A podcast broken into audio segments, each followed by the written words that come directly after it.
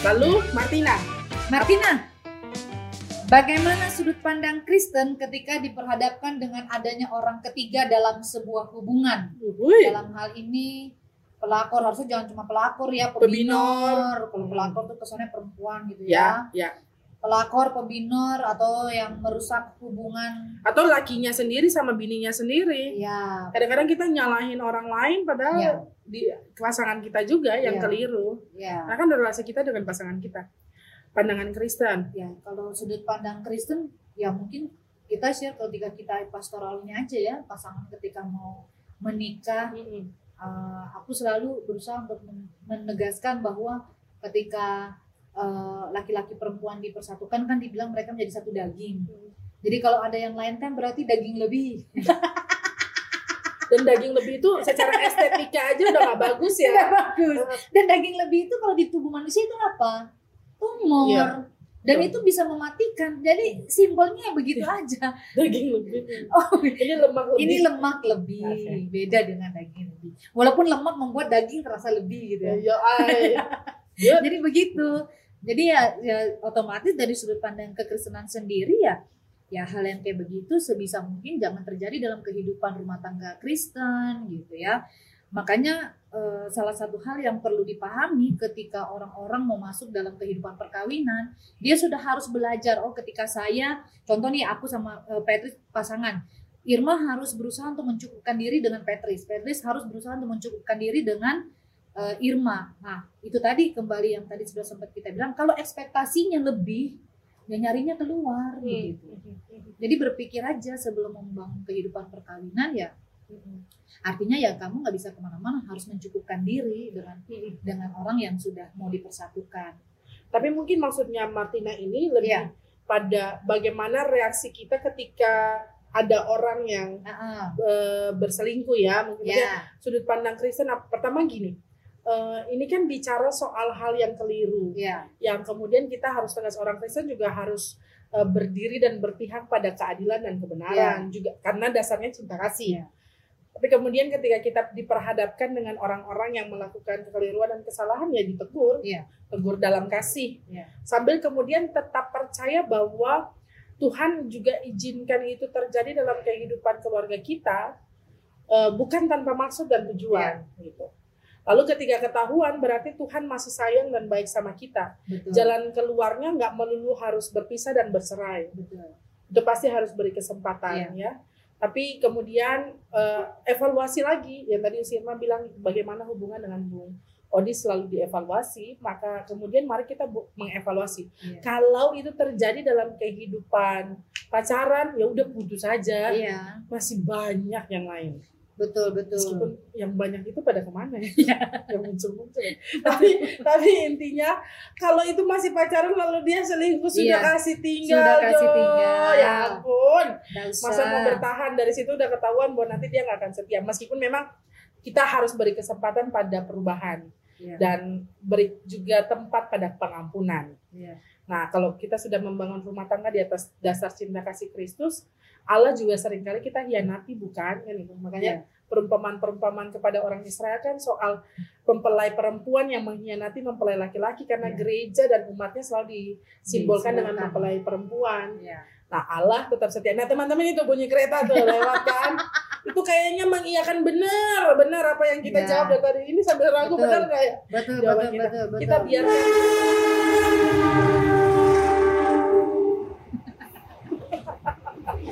Ya keren ya. Kayak berasa hidup di zaman dulu ya. Ya itu eh, betul tadi yang Pet sudah bilang Hmm. gitu ya. Jadi kalau seandainya memang bagaimana ketika kita ada di tengah-tengah hubungan yang di dalamnya ada orang ketiga ya berani berani dipotong. Hmm. Ibaratnya berani ya yang daging lebih itu ya dibuang, harus berani dibuang gitu. Jangan sampai dibiarkan terus. Dan itu memang eh, apa ya butuh keberanian juga eh, untuk kemudian bisa berhadapan dengan situasi ini. Karena ya contohnya kayak sekarang kan banyak film-film yang kemudian menayangkan eh, apa kehidupan rumah tangga yang demikian sampai ada muncul aduh aku lupa lagi istilahnya apa tuh sampai ada orang yang kemudian akhirnya jadi takut menikah.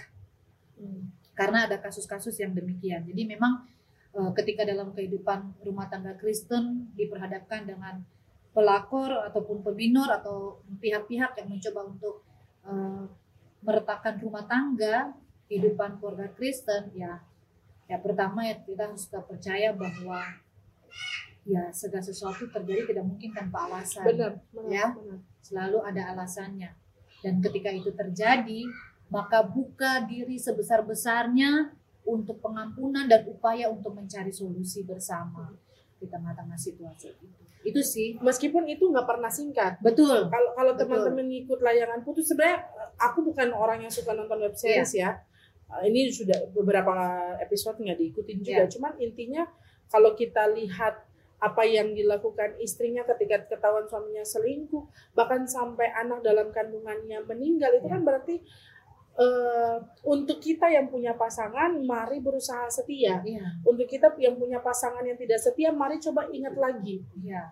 bahwa tidak selamanya hal-hal buruk membuat kita langsung dengan mudah melepaskan juga. iya. Tapi pikirkan dengan matang bagaimana kita menyikapinya, lalu kemudian lihat beri waktu juga untuk dia berpikir bahwa sebenarnya dia sedang menjalin hubungan dan relasi yang tidak sehat untuk dirinya juga. iya betul Ya kalau kita betul-betul sayang kan eh, kita ada dalam proses-proses itu. betul Jatuh bangun pasti. betul Karena perasaan dihianati paling tidak disukai oleh semua orang.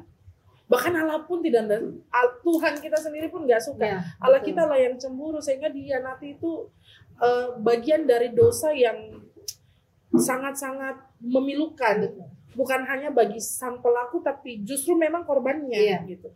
Jadi eh, untuk teman-teman yang mungkin saat ini udah dalam kehidupan rumah tangga Iya. atau muka atau mungkin dalam relasi lalu merasa bahwa ah nggak ketahuan nggak apa-apa Iya, jangan. coba pikirkan bahwa Pikirkan. bagaimana perasaan kita ketika dihianati. Lalu aku sering sering nggak sepaham ketika orang bilang, ah bunuh diri paling cuman gara-gara cinta kok cinta aja bisa bikin Iya. orang bunuh diri. Eh, itu luka Dan, yang me- mendalam. dan memang itu realitanya. realitasnya. nggak bisa juga kita pungkiri. Benar. Itu bisa efeknya sampai ke situ. Iya. Makanya eh, melakukan sesuatu ya berpikir panjang. Benar. Dan orang sering kali kehilangan harga diri dan rasa percaya diri karena dia itu. dihianati. Betul.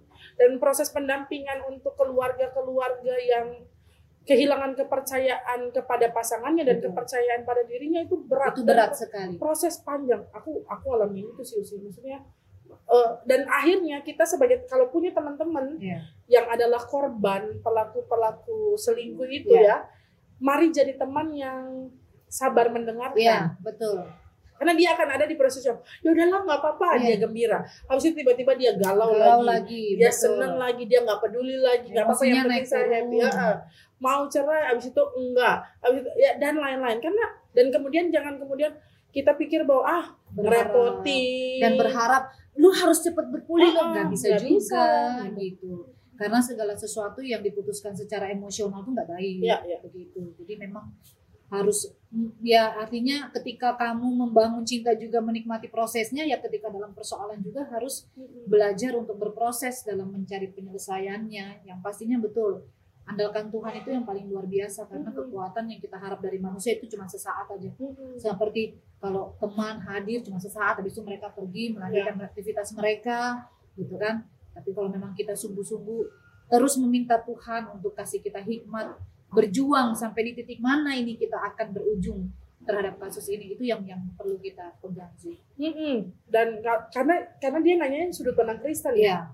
Kalau bicara sudut pandang Kristen pasti reaksi yang awal adalah memaafkan dan iya mengampuni. iya Ya, tapi memang kemudian kita lihat lagi kalau kalau ini bicara soal hati berarti ada sesuatu yang juga harus disepakati dan dijalani Ya. dengan komitmen yang tinggi.